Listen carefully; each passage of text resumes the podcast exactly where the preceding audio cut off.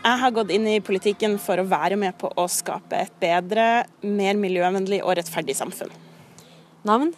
Kari Elisabeth Kaski. Alder? 29, snart 30. Stilling? Eh, nå er jeg bare stortingskandidat, men inntil nylig var jeg partisekretær for SV og har vært eh, miljøverner i mange år. Drømmejobben din? Eh, min litt sånn hemmelige drømmejobb er å få være gartner på et tidspunkt. Hvilken politisk motstander har du størst respekt for? Størst respekt for Heidi Nordby Lunde i Høyre, fordi hun er en nysgjerrig og utfordrende eh, politiker, eh, som også er ideologisk, med klare og sterke meninger, og det syns jeg er kult. Din verste medietabbe, hva er det? Det er veldig mange, helt tilbake til natur- og ungdomstida og tenårene. Eh, så når jeg gikk inn i partipolitikken, så ble jeg liksom enig med meg sjøl om at jeg kom sikkert til å gjøre mange medietabber framover også, men jeg forsøker å glemme de så fort som mulig, så det vil jeg ikke rippe opp i. Hva gjorde at du forlot miljøbevegelsen, miljøorganisasjonene og gikk inn i politikkens verden? Nei, Det var fordi jeg så også i miljøbevegelsen, som jo spiller en viktig rolle, at uh, dette er politikk. Uh, og skal jeg få gjennomslag for de sakene som jeg brenner for, så må, det, må jeg få gjennomslag politisk. Og så har jeg jo et engasjement for veldig mange andre saker enn miljø. Uh, så det var også fristende å få lov til å jobbe for, for de andre sakene som jeg er opptatt av. Alt fra rettferdighet til feminisme. Og det, i miljøbevegelsen så var det mindre rom til akkurat det. Du har ennå ikke fylt 30, eh, du har rukket å ha gjort deg bemerka i miljøbevegelsen. Nå er du stortingskandidat for SV i Oslo. Når det er hunnkjønn som har den type karriere, så blir de ofte kalt for flink pike. Hva syns du om det begrepet? Jeg er ikke noe glad i det begrepet, fordi det er jo med på å stemple deg som, som uh, en slags type karakter. Så, og en merkelapp som jeg ikke vil ha. Jeg har et engasjement som jeg er så heldig å ha fått lov til å, å gi uttrykk for gjennom ulike organisasjoner, og så liker jeg å, å jobbe med det. og da da har jeg fått mulighet, og da er det mulig å gjøre de tingene. Og det syns jeg er kjempeartig uh, å få gjøre. En ting jeg ikke skal spørre deg om, det er om du ofte er nervøs før du holder tale og sånn, for det vet jeg at du, at du, ikke liker. Hva var det som gjorde at du for en stund siden satte deg ned og skrev en kronikk og laga en video på nrk.no der du ja, rett og slett sa at du var kjempelei av å bli spurt uh, om du var nervøs? Fordi jeg opplevde at jeg ble spurt om det så veldig mange ganger, sjøl om det var på temaer eller i anledninger eh, som jeg åpenbart hadde gjort veldig mange ganger, og på fagfelt som jeg kunne og kan veldig godt. Eh, og det tror jeg nok handler litt om eh, alder og kjønn. Eh, og det er klart, når du er eh, i 20-årene og eh, og jeg er kvinne så er det kanskje lettere å spørre om den type spørsmål, tror jeg. Um, og så syns jeg det var kult å liksom sette ord på den følelsen som jeg helt oppriktig hadde. Og responsen som jeg fikk, tror jeg tyder på at en del har liksom tenkt det samme, eller syns det traff en nerve. da. Uh, så er det jo, Jeg blir selvfølgelig nervøs i veldig mange ulike typer situasjoner, men det er akkurat i de situasjonene når det er sånn dette har jeg faktisk gjort mange ganger, og jeg vet at jeg kan det, så syns jeg det skal være lov og litt kult å, å være liksom sjølsikker på det.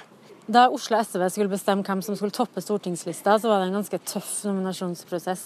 Hvordan opplevde du det? Nei, jeg synes jo det var sånn tøffe måneder, egentlig. Vi hadde en veldig lang nominasjonsprosess. Så det tror jeg også motkandidaten min Ingvild eh, syns. Eh, for det er jo en lang nominasjonsprosess med mange måneder der eh, et helt Vi har jo uravstemming, så alle medlemmene skal være med og bestemme, som jeg syns er veldig kult. Men, men, likevel, du står jo veldig på, på display der, og mange medlemmer som skal ta et litt sånn aktivt valg mellom to dyktige personer og, og, flere dyktige personer også som var ellers på lista.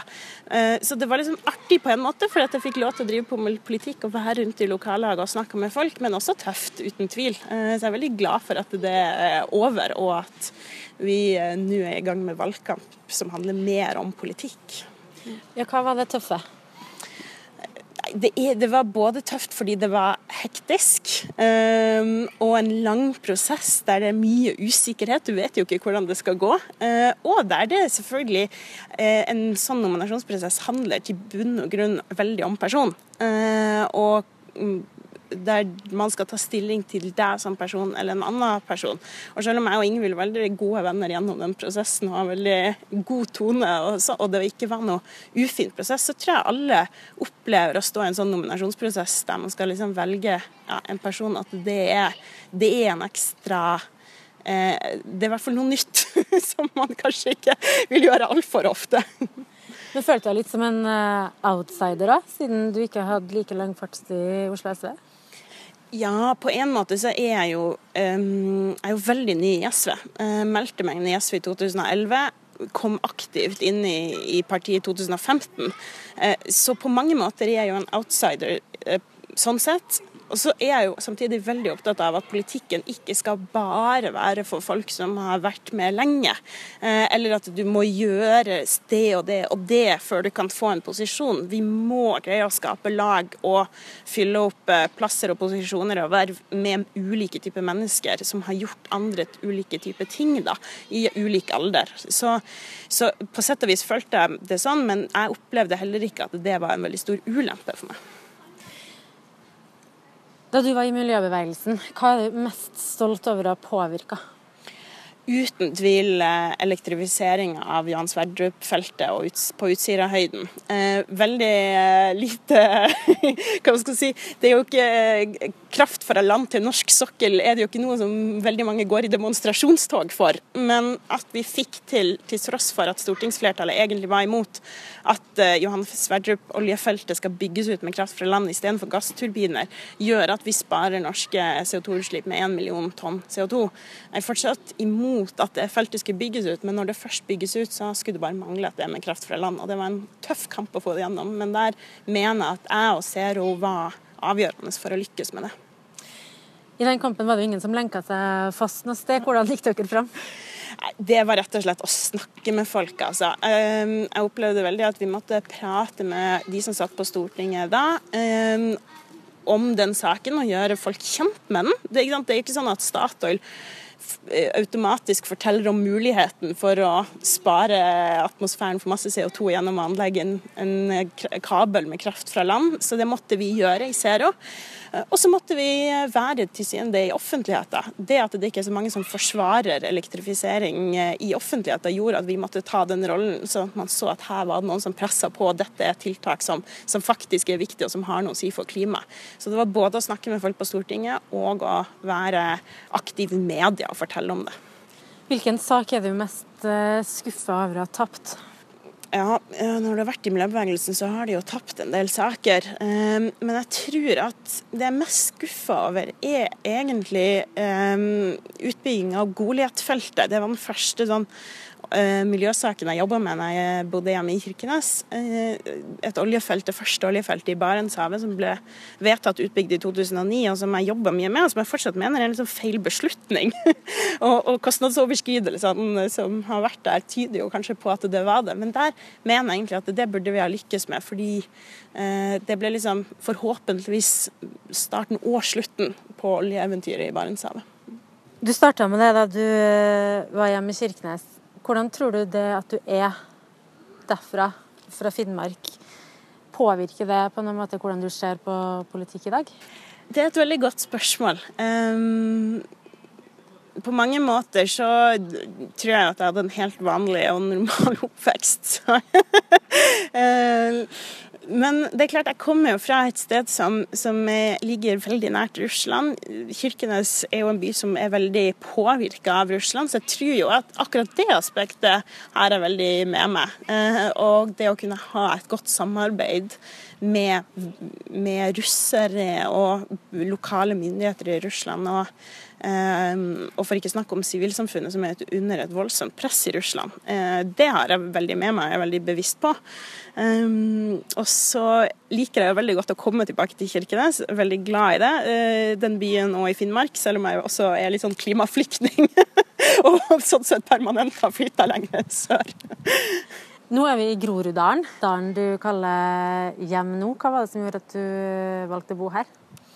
Har jeg bodd i Oslo i ti år. Jeg er veldig veldig glad i Oslo. Um, så jo, jeg har liksom bestemt meg for å å bosette meg her ordentlig. Og da var vi egentlig på jakt etter noe større. Eh, vi har bodd i sentrum, jeg og samboeren min, i, i, mange år. Ville ha noe større. Med boligprisene som er i byen, så, så, måtte vi litt lengre ut, rett og slett. Og så hadde vi veldig mange gode venner og ambassadører for Groruddalen som snakka varmt om både dalen og Veitvet, eh, som jeg flytta til. Så det gjorde at vi begynte å kikke på Veitvet og, og fant ut hvor fantastisk fint område. Eh, der vi er både egentlig ganske kort unna sentrum, men lengre ut av nærheten av marka og flotte områder som det er her. Så jeg trives veldig godt her nå. Man kan jo føle at valgkampen har vart lenge, men innspurten kommer jo snart. Hva er du mest spent på? Jeg er uten tvil mest spent på om vi både får til å få et regjeringsskifte, som jeg håper veldig sterkt at vi får, og hvor stor SV-gruppe vi får på Stortinget. Hvordan er det å ha mista det klare rød-grønne alternativet?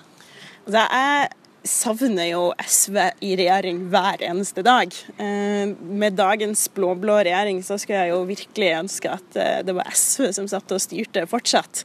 Eh, men vi mista det flertallet, og jobb nummer én nå er jo å vokse, sånn at SV kan påvirke politikken i neste periode for mindre klimagassutslipp og mindre forskjeller. Så jeg håper jo at vi greier å bli store nok til at Arbeiderpartiet ikke har noe valg. at de må samarbeide med oss, sånn at vi kan få gjennomslag for vår politikk.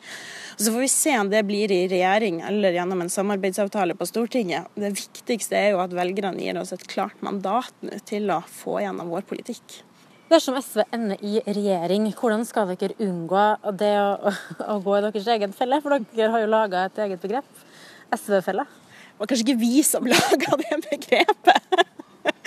Um, nei, men jeg tror vi lærte jo masse gjennom de, eh, de, åtte årene i regjering. Det var første gang SV gikk inn i regjering, så uansett så er jeg helt overbevist om at vi har med oss de erfaringene som gjør at vi ikke kommer til å ikke kommer til å gjøre samme, en del av de samme feilene, men også å, å, lykkes bedre. Det tror jeg både når det kommer til å få mer gjennomslag for vår politikk og greie å ta bedre vare på partiorganisasjonen og fortsatt sikre at vi har medlemsvekst selv om vi er i regjering. Eh, så det, det er jeg ikke så bekymra for. Eh, men så er det jo også viktig at vi er tydelige på hvilke saker som er aller viktigst for oss. Og det mener jeg at vi er tydeligere på nå enn det vi var i 2005 og 2009, når vi forhandla om regjeringsdeltakelse da. At nå vet vi at det vi skal måles på, det er om vi reduserer forskjellene og om vi reduserer klimagassutslippene. Og vi har veldig konkret og klar politikk på det. det å øke barnetrygda og få flere lærere i skolen. og Eh, og sikre at vi ikke åpner flere områder for oljevirksomhet. Og Får vi gjennomslag for det, da kan vi gå inn i en i, en, i et samarbeid i regjering. Eh, hvis ikke så, så går vi eh, i opposisjon, og så får vi forhandle fra sak til sak. Det å bli folkevalgt, komme inn på Stortinget, hvilke tanker gjør det deg om det? det er jo med litt sånn ærefrykt, særlig kanskje hvis du skal representere Oslo, for her bor det jo så mye folk. Det bor jo flere folk i Oslo enn i de fire nordligste fylkene. Eh, så det er jo veldig mange som, som jeg er opptatt av at jeg faktisk skal representere. Um, det jeg bruker mye tid på nå som stortingskandidat, er å reise rundt i Oslo og bli enda mer kjent med byen og de folka som, som bor og jobber her.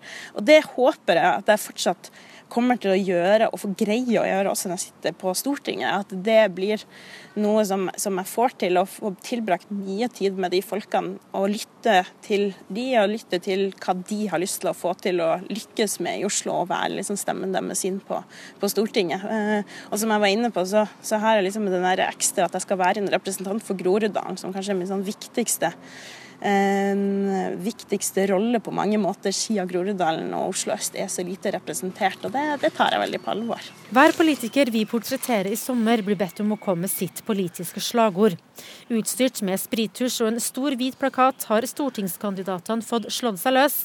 Og Kari Elisabeth Kaski fra SV var i det nostalgiske hjørnet da hun valgte sitt slagord. Langt slagord. Sånn. Der står det 'Hvis ikke du, hvem? Hvis ikke nå, når?' Det er et uh, gammelt Natur og Ungdom-slagord um, som jo på en måte er litt sånn uh, uh, pekefingerslagord, men som har vært med meg hele veien. Så det er kanskje et litt mer sånn personlig slagord enn akkurat et SV-slagord, som sitter litt sånn i bakhodet for engasjementet mitt, og som alltid har gjort det.